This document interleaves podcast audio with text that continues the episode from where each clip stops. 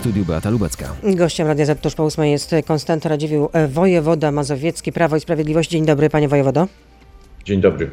Ile pan sypie ostatnio? Tak przeciętnie. No w ogóle słabo śpię, dlatego że cały czas trzeba o czymś tam myśleć, a rzeczywiście noc nie jest tutaj przerwą w naszych działaniach, bo tak jak e, uchodźcy przez, przechodzą przez granicę e, na Podkarpaciu i Lubelszczyźnie właściwie całą dobę, tak również całą dobę docierają do Warszawy, no i tutaj musimy się nimi zająć, także to jest wyzwanie właściwie można powiedzieć nieustanne. A ilu już uchodźców do nas do- dotarło tutaj do Warszawy i na teren e, województwa mazowieckiego? Panie redaktor, oczywiście precyzyjnej odpowiedzi na to pytanie nie ma, dlatego że na granicy e, każda osoba jest policzona dokładnie i wiemy, że dzisiaj przekroczymy na pewno milion trzysta tysięcy uchodźców, czy już może przekroczyliśmy tę liczbę e, wchodzących do Polski. Natomiast mm, nie trudno sobie wyobrazić, że Duża e, część tych osób, e, jeśli nie zatrzymuje się mm, na Mazowszu, a szczególnie w Warszawie, to w każdym razie tutaj uważa, że jest najlepsze miejsce, żeby mm, myśleć o tym, co robić dalej, między innymi myśleć o podróży e, do zachodniej części Europy. Więc ja szacuję, że no co najmniej 200 tysięcy, a być może znacznie więcej osób dotarło no, głównie do Warszawy, różnymi zresztą środkami lokomocji, bo to są zarówno te bardziej regularne, przede wszystkim pociągi, e, ale także e, autobusy z, e, z granicy, jak też mnóstwo różnego rodzaju takiego nieformalnego transportu, bo wiemy, że na przykład wiele osób dobrego serca m, prywatnie, prywatnymi samochodami udaje się na granicę i po prostu zabiera stamtąd ludzi, żeby nie stali e, przy granicy. Także no, ta fala jest ogromna. No, można powiedzieć, że ta akcja pomocowa dla uchodźców to przede wszystkim jest taki zryw obywatelski, to jest to e, praca organizacji pomocowych, pozarządowych e, i wolontariuszy. A kiedy pan był ostatnio Ja, na jeżeli mogę wejść w słowo, to myślę, że nie warto, żebyśmy się tutaj jakoś licytowali, ale e, to jest po prostu wysiłek nas wszystkich. I to oczywiście nie można nie zauważyć tych, którzy e, własnymi rękami coś robią, na przykład zapraszają też e, ludzi z Ukrainy do swoich domów. E, Żywią ich, dostarczają różnego rodzaju pomocy, także po prostu opiekują się nimi, otaczają sercem, ale także jedno piętro wyżej robią to jednostki samorządu terytorialnego wszystkich szczebli i też trzeba dostrzec bardzo wiele różnych wysiłków, które czynią. No a byłoby chyba jednak wielką niesprawiedliwością, gdybyśmy nie zauważyli tego, co robi rząd, a przede wszystkim wojewodowie na terenie wszystkich województw, także na terenie województwa mazowieckiego. To jest ogromny wysiłek, można powiedzieć, nigdy nie spodziewany przez nikogo. No i wydaje się, że wszyscy, jeszcze raz pod, podkreślam, wszyscy, których wymieniłem i tych, ci, których nie wymieniłem, zdają ten egzamin. No ja się będę chyba jednak trochę upierać, że to jest przede wszystkim zryw obywatelski i mm, ogromny, ogromny wysiłek organizacji pomocowych i mm, wolontariusza. Kiedy pan był ostatnio na dworcu centralnym, panie wojewodo? Wczoraj. Bo to y, dworzec centralny jest, y, nazwijmy to, w, w pana jurysdykcji. Czy- I co czytam? Co piszą aktywiści i społecznicy? Że brak koordynacji pomocy, odpowiednich oznaczeń w języku ukraińskim, pomieszczeń dla uchodźców, wspierających ich wolontariuszy, kłopoty z dostępem do toalet, sanitariatów, prądu, chaos.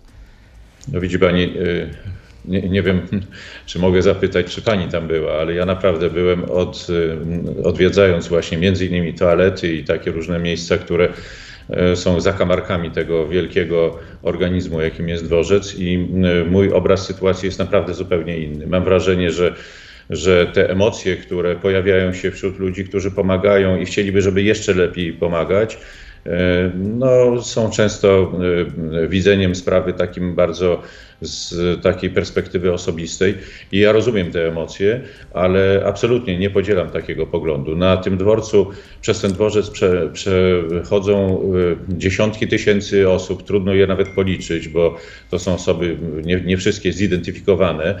Natomiast e, oprócz tego, że ten dworzec e, no, w ogóle funkcjonuje jako normalny dworzec No, nadal, no tak, tylko że wielu rzeczy tam brakuje. ta ale wielu ogromna rzeczy tam brakuje. Ukraińców naprawdę jest tam zaopiekowana. I to przez wszystkich, którzy tam pracują. Jeszcze raz, nie chciałbym tego dzielić. E, Jest punkt informacyjny, w którym dowiadują się o swoich prawach i e, no, stoi do niego kolejka, ale nie No, taka bardzo a duża. nie można w Oczywiście, razie zwiększyć, pociąg, a nie można zwiększyć e, liczby personelu, który pracuje w tym punkcie informacyjnym, właśnie żeby skrócić te kolejki? Y, Proszę pani, w tej chwili około 250 urzędników, urzędników podkreślam, Mazowieckiego Urzędu Mazowieckiego jest oddelegowanych do pracy dzień i noc w warunkach, do których zupełnie nie, nie, nie, nie- byli dotychczas y, używani. To są po prostu y, dyrektorzy wydziałów, nie mających nic wspólnego z Czyli y, rozumiem, że nie ma takich mocy przerobowych. Nie ma- nie ma tylu naprawdę, ludzi. Naprawdę tam są, nie tylko zresztą tam, bo w wielu innych miejscach również.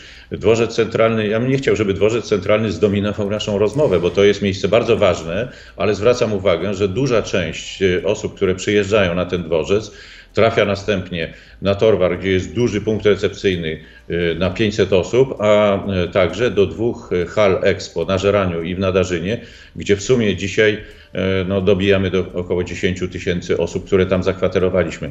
E, To jest ogromne zadanie, ale na samych dworcach, nie tylko na, na centralnym, moim zdaniem robimy to na tyle dobrze, że ta ocena, która pojawia się w, często w mediach i jest tak trochę bezrefleksyjnie powtarzana, jest głęboko niesprawiedliwa. I mówię tutaj nie tylko o działaniach wojewody i, i, i jego e, urzędników, ale także e, o działaniach właśnie organizacji pozarządowych, także o działaniach miasta, bo robimy to, można powiedzieć, wszyscy razem, wspólnie. No tak, i na e, przykład, Też y- dostosowujemy te rozwiązania, które tam są, do zmieniającej się sytuacji. Na przykład wczoraj został dostawiony, ze względu na ogromną liczbę osób na dworcu, duży namiot, w którym, do którego wyprowadziliśmy, można powiedzieć, e, żywienie tych osób, no bo po prostu już nie mieściliśmy się na dworcu. To jest jeden z przykładów. Jest, e, mówiła Pani o dostępie do toalet. No, e, tutaj problem jest przede wszystkim taki, że na dworcu tych toalet jest o wiele za mało. W związku z tym one są oczywiście udostępnione i proszę mi wierzyć, no sam to sprawdzałem, bo ciągle e, te, e, to, to jest jedna z tych pierwszolinijkowych, bym powiedział, wiadomości, że, że trzeba tam płacić albo coś takiego. Nie trzeba tam płacić. E, No, Wszystkie że są osoby, sygnały, które mogą że- z nich skorzystać, naprawdę korzystają w ludzkich warunkach, ale oprócz tego zostały dostawione to i to je przed dworcem i wydaje mi się, że również i ten aspekt, no ważny również, Ale są sygnały, panie wojewodo, że do toalet w sposób, e, został załatwiony. Ale są sygnały, że y, do tych toalet y, są wpuszczane osoby y, no, w sposób uznaniowy. Przede wszystkim te, No które ale- mają, okazują paszport ukraiński. redaktor, No, ja nie wiem skąd pani ma te sygnały, ja to sprawdziłem osobiście. Po prostu, Stowarzyszenie Miasto jest Nasze opisuje takie- relacji, tylko poszedłem tam bez żadnej obstawy. Otwarte są te kołowrotki, które normalnie funkcjonują. No i każdy może wejść. Mało tego, nie ma tam e, jakiegoś wielkiego tłumu. A czy będzie Tak również jest ten, po prostu. No, przysięgam, że, że to sprawdziłem sam. A czy będzie punkt recepcyjny również na dworcu centralnym? O to się dopominali też niektórzy politycy, politycy lewicy, że tam też Ale powinien jaki- być punkt co pani, co recepcyjny. pani ma na myśli? Bo w tej chwili, jeżeli chodzi o dworzec centralny, proszę pani i proszę państwa, to jest tak, że, że y, na, na, na ten dworzec przyjeżdża bardzo dużo osób, które już mają plan, co, co robić dalej. Wielu z tych, którzy tam przebywają, nie chce opuścić dworca i rozkłada różnego rodzaju, mniej czy bardziej e, takie tymczasowe swoje e, rzeczy, żeby po prostu usiąść albo się położyć. No i to jest fakt. E, Dla tych osób, które wymagają szczególnej opieki, czyli matki z dziećmi, wydzielony został specjalnie taki oddzie- oddzielony teren za szkłem, tak żeby one miały no, większą prywatność.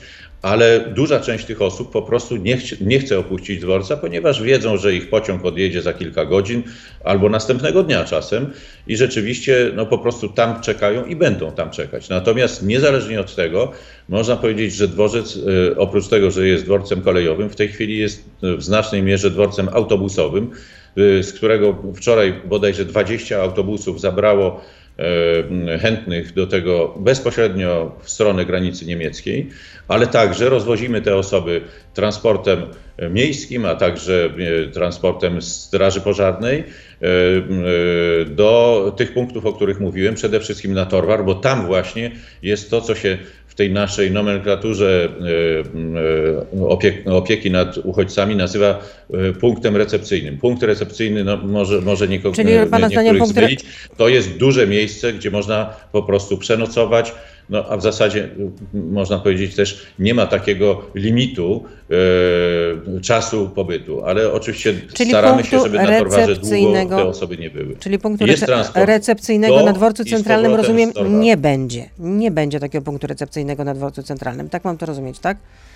Pani redaktor, punktu recepcyjnego, rozumianego jako e, duże miejsce noclegowe, tam po prostu e, no, nie ma gdzie postawić, bo jest część osób, które nocują. Stworzyliśmy warunki specjalne dla matek i na dzisiaj ja nie widzę takiej możliwości, żeby e, urządzić tam na przykład taką noclegownię na około 500 osób czy, czy tego rzędu. Więc zdecydowanie lepiej jest, żeby te osoby, i to robimy, autobusami zawozić na Torwar albo też na Hale Expo, które są w gruncie rzeczy w takiej odległości, że nawet ci, którzy mają zaplanowaną dal, dalszą podróż, już w jakiś konkretny sposób, y, mogą y, liczyć na to, że zostaną z powrotem przywiezieni na dworzec właśnie tymi wahadłowymi autobusami, które funkcjonują. Z drugiej strony też trzeba powiedzieć, że w, tym, w tej hali Expo w Nadarzynie no, dzisiaj właściwie zostało utworzone takie e, centrum czy dworzec autobusowy, gdzie e, zbieramy nieustannie czy oferujemy ludziom, którzy zostali tam zakwaterowani, e, całą listę długą destynacji w różne miejsca, zarówno w Polsce, jak i poza Polską i jeden za drugim odjeżdżają stamtąd autobusy. Także do pewnego stopnia można powiedzieć, to e, centrum, w którym jest dzisiaj kilka tysięcy osób, e, stało się takim wielkim punktem recepcyjnym. Natomiast e, urządzenie takiego punktu w centrum Warszawy no po prostu nie jest możliwe, bo nie ma takiej, e, takiej powierzchni, w której można by to zrobić. No to tyle w części radiowej. Pan wojewoda Mazowiecki z nami zostaje. Konstanty Radziwiłł, jesteśmy już od teraz na Facebooku, na Radio ZPL, na YouTubie, więc proszę zostać z nami. Ciąg dalszy tej rozmowy. Beata Lubecka, zapraszam. Dopytam jeszcze o dworzec centralny. Nie chcę tylko rozmawiać o dworcu centralnym, ale dopytam. Czy znalazły się też tam na przykład napisy w języku ukraińskim? Czy zostały umieszczone? Na przykład takie tabliczki z napisami kasy biletowe, perony, toalety, poczekalnia dla matek z dziećmi. E, Wie pani, tu jest pewien paradoks. Oczywiście, że takie napisy są, natomiast e, pewien paradoks jest taki, że. Słucham? Po ukraińsku rozumiem, tak? Są Po ukraińsku, tabliczki, tak, tak? tak, oczywiście. Natomiast e, pewien paradoks polega na tym, że wczoraj jedna z organizacji pozarządowych e, poprosiła, żeby te e, kierunkowskazy po ukraińsku były uzupełnione napisami polskimi, ponieważ wolontariusze polscy nie umieją tego przeczytać. E, I e, no, nie każdy wolontariusz wie wszystko, wobec tego chci- chcieliby, żeby oprócz e, napisów ukraińskich były też polskie. Proszę mi wierzyć, że reagujemy naprawdę na bieżąco i e, moim zdaniem nikt na tym dworcu w żaden sposób zgubić się nie może. A czy jest tam punkt medyczny na dworcu centralnym? Dotychczas był punkt taki medyczny, prowizoryczny. Od dzisiaj w mm, takim kontenerze, który jest na hali, e, który był punktem szczepień, e, będzie regularne, no można powiedzieć, ambulatorium. No bo do tej pory to po, pomocy medycznej na dworcu mm, centralnym, zresztą pan sam mówił, że była pro, prowizoryczna, udzielali wolontari- wolontariusze i studenci Warszawskiego Tak, Uniwersytetu Medycznego. Którzy, którzy, I mieli do jedynie- ja zwracam uwagę jeszcze do dyspozycji na rzecz, y, y, Pani redaktor, my, y, można powiedzieć, reagujemy w sposób elastyczny.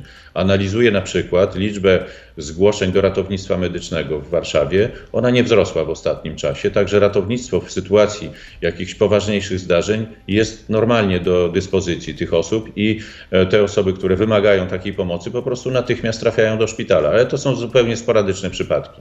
Natomiast oczywiście w miejscu, w którym jest dużo osób, pewnie dobrze byłoby, żeby takie miejsce było, a ponieważ ta, lista, ta liczba narasta, to dlatego organizujemy ambulatorium, które będzie, to też nie może być, prawda, e, że tak powiem, e, na, na hali, e, tylko musi być w odpowiednich warunkach i właśnie dlatego wykorzystujemy do tego ten kontener, w którym był punkt szczepień, który dzisiaj praktycznie nie działa i Czyli e, rozumiem, że, będzie e, tam już, e, można powiedzieć, służba zdrowia taka z prawdziwego zdarzenia. Czyli rozumiem, że jeśli ten kontener, gdzie teoretycznie służący do tego, żeby szczepić na COVID-19, rozumiem, że nie było żadnego zainteresowania, y, że ci przyjeżdżający do nas uchodźcy z Ukrainy nie chcą się szczepić na ko- COVID-19?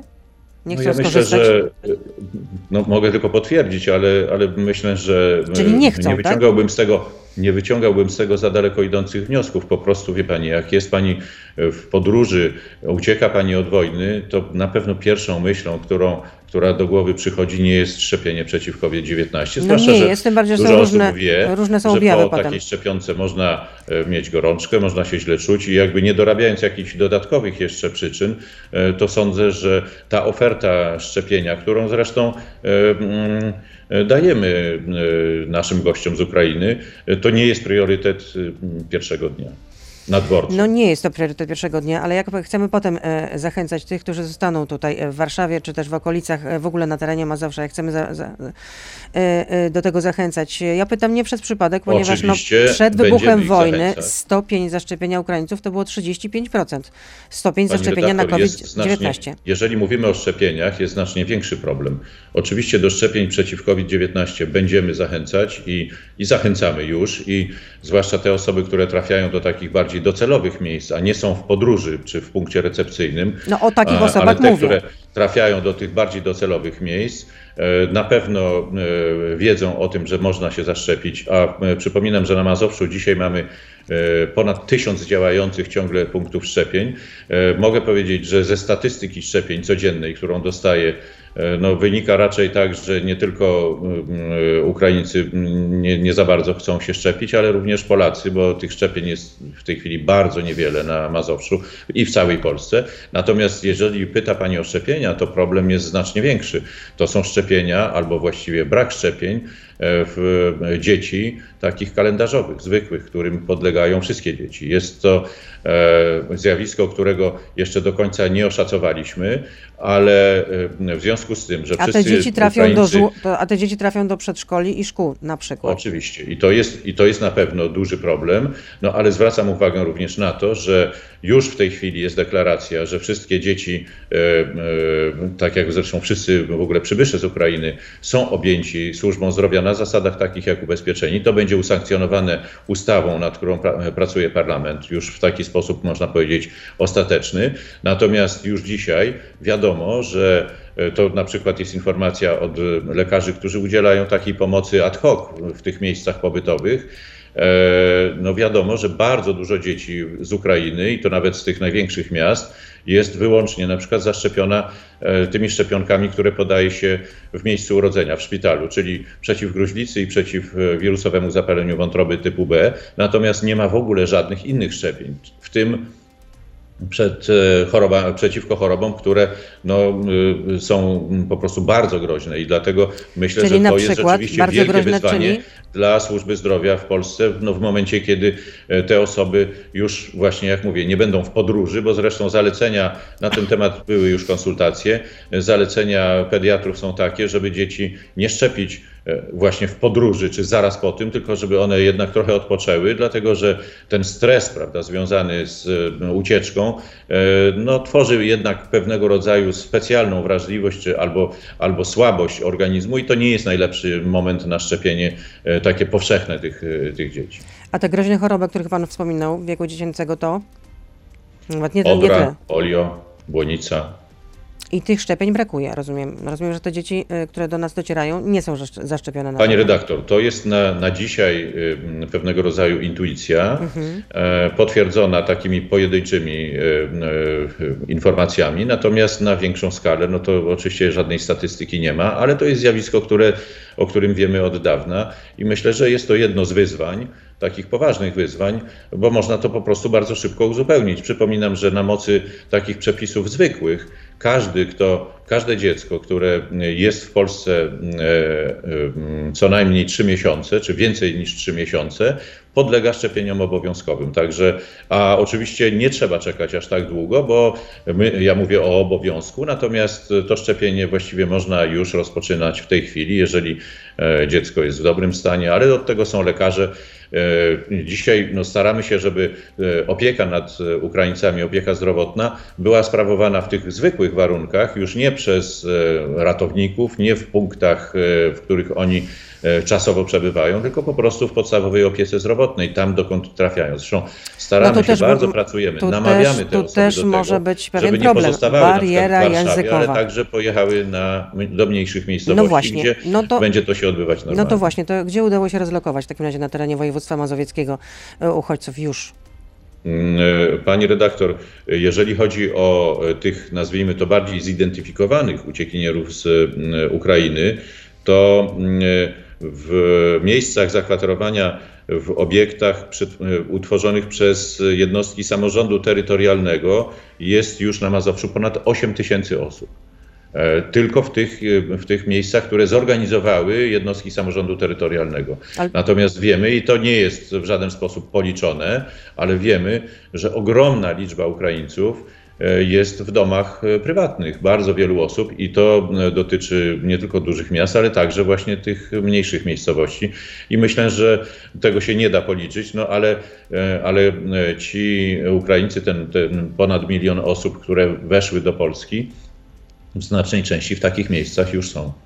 No 90% tych e, uchodźców, którzy są u nas, to są Ukraińcy, albo 92% z tego, co czytałam. Przepraszam bardzo. I to są głównie kobiety i dzieci. E, A mm, powiedział To pan prawda. w jednym z wywiadów, że Polska jest w doskonałej sytuacji, żeby pomóc uchodźcom na większą skalę. No mamy już e, milion trzysta, jak pan powiedział. No to rzeczywiście jesteśmy tak, takim krajem, że w doskonałej sytuacji, że jak na przykład przybędzie jeszcze o dwa razy tyle będzie uchodźców, albo na przykład dobijemy do trzech milionów. Przepraszam, że takie słowo dobijemy. No. Czy, czy przekroczymy? To co wtedy? Pani redaktor, y, y, no, y, jest rzeczą oczywistą, że jest jakiś limit takiego wchłonięcia, normalnego, zwykłego wchłonięcia y, y, y, tych osób. Jest wiele innych problemów związanych na przykład z nieznajomością języka i tak dalej, i tak dalej, ale też trzeba powiedzieć, że polska gospodarka jest rzeczywiście w takim momencie, w którym można powiedzieć, że przyjęcie dodatkowych, bardzo licznych osób do, na rynek pracy jest, można powiedzieć, no, naprawdę, naprawdę bardzo takie no, na, na dobrym poziomie. Przypominam, że Polska jest rekordzistą, jeżeli chodzi o e, niski poziom bezrobocia w Europie. Tylko, e, tylko Czechy są lepsze, minimalnie lepsze, lepsze od nas i to na pewno tworzy warunki do tego, Tylko, żeby że sytuacja gospodarcza znalazło pracę w Polsce. I w Sytuacja tym sensie- gospodarcza się po, też pogarsza, w tym sensie, że pogarsza się e, sytuacja finansowa Polaków, chociażby to, bo paliwo drożeje, e, znowu podwyższono Panie stopy redaktor, procentowe, no, w związku z tym... Ale to, to, to są oczywistości, No. natomiast, natomiast Może to są oczywistości, ale każdy czuje to po prostu w swoim portfelu. Proszę pani, nikt nie cieszy się z tego, że wybuchła wojna na Ukrainie, nikt nie cieszy się z tego, że musimy Ale to czy ja wszystko powiedziałam, że się ktokolwiek ogarnąć, cieszy? jak to się mówi, Panie ale z drugiej strony trzeba dostrzec także e, pewne okoliczności wyjątkowe, jeżeli chodzi o możliwości nasze. Gdyby e, taka fala uchodźców spadła na Polskę na przykład 15 lat temu, byłoby znacznie trudniej. Dzisiaj jesteśmy naprawdę w dobrej sytuacji gospodarczej, a rynek pracy jest wyjąt- wyjątkowo chłonny. I wy, wydaje się, że to też warto komunikować e, uciekinierom z Ukrainy, dlatego że wielu z nich być może tak trochę z rozpędu myśli, że jedyne ich miejsce, że, że Polska powinna być tylko przystankiem dla nich i powinni pędzić gdzieś na zachód. Tymczasem w Polsce na pewno kilka milionów, czy jak pani mówiła, 3 czy 5 milionów, już nie pamiętam, taka liczba e, pewnie byłaby trudna do, do zakwaterowania i zagospodarowania, ale e, wydaje mi się, że w każdym razie patrząc na możliwości, jakie mamy w Polsce w tej chwili, to ta oferta pozostania w Polsce na tych warunkach, które e, rząd zaplanował w tej specjalnej ustawie, czyli służba zdrowia taka jak dla Polaków, e, opieka społeczna, rynek, dostęp do rynku pracy. Ustawie, która też e, gwarantuje szkoła, bezkarność urzędników. e, Jest naprawdę, jesteśmy wyjątkowo pod tym względem w dobrej sytuacji, patrząc choćby na historię Polski, prawda? Ja to cały czas odnoszę do, e, do e, innych krajów, a także do historii Polski i naprawdę e, to daje nam szansę na to, żeby pomóc tym ludziom jeszcze bardziej, ale nie tylko pomagać w takim sensie, prawda, dawania czegoś e, w sytuacji e, nadzwyczajnej potrzeby, to robimy dzisiaj, ale również zaoferowania im możliwości włączenia ich po prostu w taki krwiobieg, krwiobieg e, społeczny, w tym także właśnie na, w rynek pracy. I myślę, że to jest To jeszcze jedno pytanie mnie. tak. To jeszcze jedno pytanie. Dlaczego polskie władze tak zregają się na przykład przed tworzeniem obozów dla uchodźców? Jeśli ta liczba będzie się radykalnie zwiększać, tych osób, które uciekają przed wojną, uciekają tutaj do Polski. Jest rzeczą oczywistą, że e, no, oczywiście to jest wszystko kwestia definicji, prawda? Ale no, po pierwsze, na ogół, jak mówimy o obozach, to wyobrażamy sobie namioty. No, dzisiaj pogoda jest taka, jaka jest. Ciągle mamy, y, zwłaszcza nocą, mrozy, i wydaje się, że to byłaby jakaś zupełna ostateczność. Na dzisiaj staramy się e, zaopiekować się tymi ludźmi po prostu pod dachem, w miejscu, gdzie jest ogrzewanie. Zwłaszcza, jak pani mówiła, że to są przecież w ogromnej większości mamy z dziećmi, więc oferta w postaci nocowania w namiotach, no to jest naprawdę w naszych warunkach coś, co no, w ogóle nie powinno być brane pod uwagę i dlatego tak ogromny wysiłek robimy, żeby znaleźć po prostu miejsca pod dachem. Niestety już w niektórych przypadkach no nie, nie jest to jakiś nadzwyczajny komfort, bo mieszkanie na łóżku polowym w wielkiej hali wystawienniczej, no to na pewno komfortem nie jest. Ale z drugiej strony też jeżeli mówimy o tym, żeby nie tworzyć obozów, e, to mamy na myśli e, to, o czym przed chwilą wspominałem. To znaczy na pewno przy tej ogromnej fali część osób trzeba sprawnie zaopiekować w taki sposób, żeby pojechały po prostu tam, gdzie jest ich e, kraj docelowy, a wielu z nich marzy o jakimś konkretnym miejscu. I proszę mi wierzyć, że wczoraj jak Ale byłem słyszymy, że jednak e, większość chce zostać u nas. To odjeżdżał autobus, akurat jak byłem, odjeżdżał autobus, jeden do Niemiec, drugi do Hiszpanii, trzeci do Portugalii. I po prostu kolejne autobusy były, że tak powiem, kompletowane z osób chętnych. I to jest jeden sposób rozładowywania tej sytuacji. Natomiast drugi, to, jest, y, y, to są moje nieustanne na przykład na Mazowszu, ale także w innych województwach, spotkania z samorządowcami, żeby jak najwięcej Ukraińców, tych, którzy, których można przyjąć, nawet w tych najmniejszych miejscowościach, trafiło tam, no i zaczęło się rozglądać za możliwością właśnie podjęcia pracy, puszczenia dzieci do szkoły, no i krótko mówiąc, takiego, prawda, znalezienia miejsca już na dłużej, bo przecież zgodnie z projektem ustawy e, przez 18 miesięcy te osoby będą miały całkowicie zalegalizowany e, pobyt ze wszystkimi tymi właśnie benefitami takimi obywatelskimi. I wydaje się, że to naprawdę jest wielka szansa zarówno dla tych ludzi, jak i dla nas, Polaków, którzy, no, e, tych osób tutaj możemy, potrzebujemy nie tylko, nie tylko po to, żeby podzielić się z nich sercem, ale także, żeby po prostu no, razem z nimi żyć, no tak, tak jak już, już żyjemy z wielką tak. grupą Ukraińców od, od wielu lat. Tak już o tym Pan wspominał, to jeszcze jedno pytanie ode mnie, bo aktywiści ze Stowarzyszenia Miasto jest Nasze apelują w sieci, żeby zbudować taki nowy sztab y, y, kryzysowy, który łączyłby y, no, wzorem tego, co dzieje się w innych polskich miastach, siły Pańskiego Urzędu, Urzędu Wojewódzkiego, Miasta Stołecznego Warszawy, służb porządkowych, takich jak Policja, Straż Miejska, Straż Pożarna, Wojska Obrony Terytorialnej, służby medyczne i organizacje pożytku publicznego.